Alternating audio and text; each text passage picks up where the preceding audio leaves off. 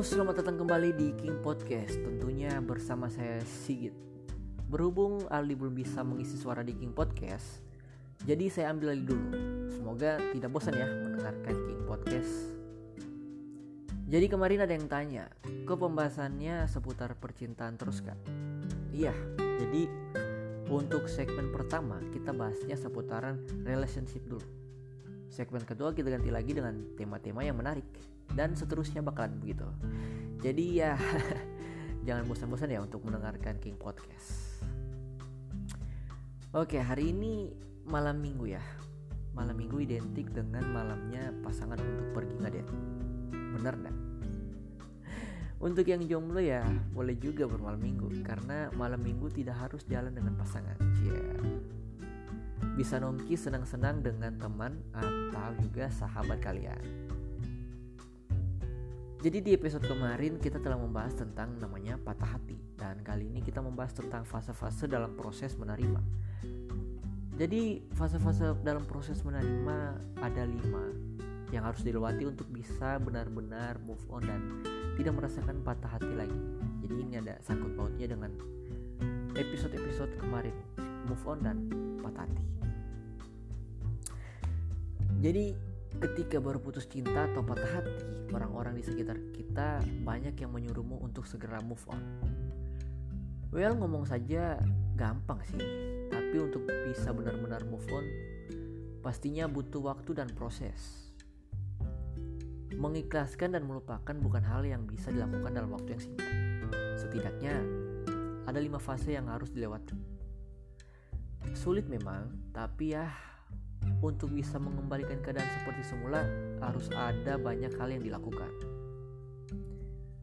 Jadi untuk fase pertama adalah penyangkalan atau yang biasa disebut dengan denial. Di fase ini, kamu masih belum bisa menerima kenyataan. Kamu merasa duniamu runtuh karena dia tak lagi bersamamu. Kamu merasa seakan-akan baik-baik saja meski Tak dapat dipungkiri, hatimu remuk redam dibuatnya.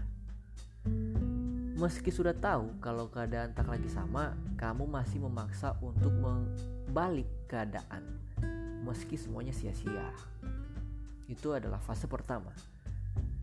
Jadi fase kedua adalah kemarahan atau anger. Kamu mulai marah menyalahkan banyak hal semua kenangan dan hal-hal buruk kembali masuk dalam ingatan. Kamu marah kepadanya, kamu marah dengan dirimu sendiri. Semuanya disalahkan. Rasanya tidak bisa menerima apa yang sudah terjadi, tapi yang bisa kamu lakukan cuma marah-marah dan jelas. Itu fase kedua yang harus dilewati. Di fase ketiga ada tawar-menawar atau bargaining kamu berusaha untuk bernegosiasi, mencoba untuk tawar-menawar dengan keadaan dan kenyataan yang ada. Seperti mencoba untuk balikan dengan dirinya lagi. Mencoba untuk berusaha memperbaiki keadaan. Bahkan mungkin kamu akan melibatkan teman-teman atau keluargamu untuk berusaha mengembalikan keadaan. Kamu merasa seakan-akan ya masih ada jalan keluar yang bisa ditempuh. Fase keempat, depresi atau depression. Di fase ini kamu merasa sudah tidak punya kuasa lagi untuk membalikan keadaan.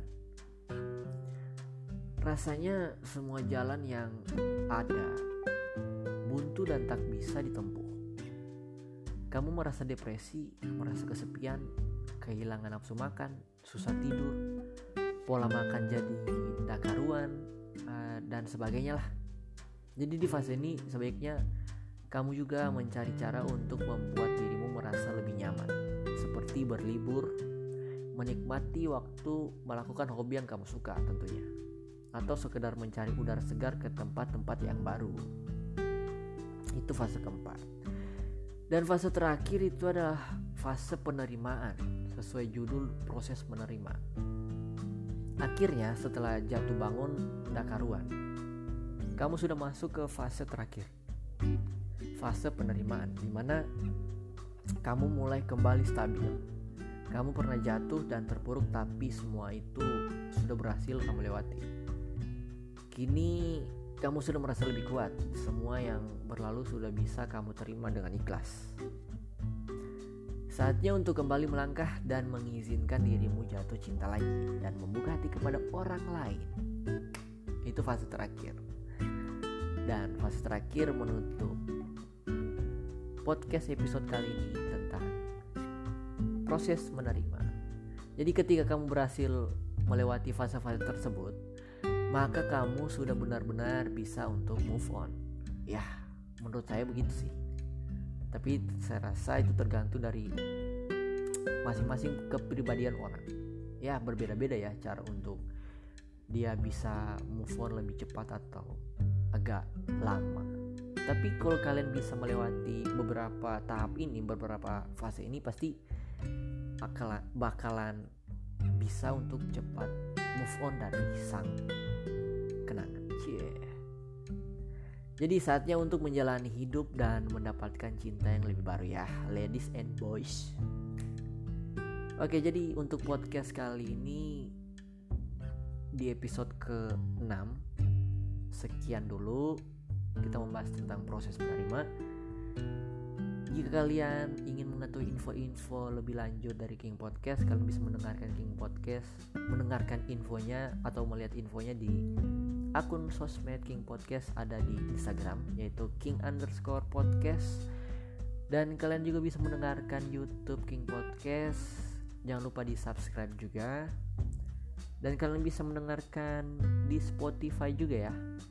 Dan juga Anchor. Oke sekian dulu podcast kali ini bersama saya Sigit. Sampai jumpa di lain waktu dan see you bye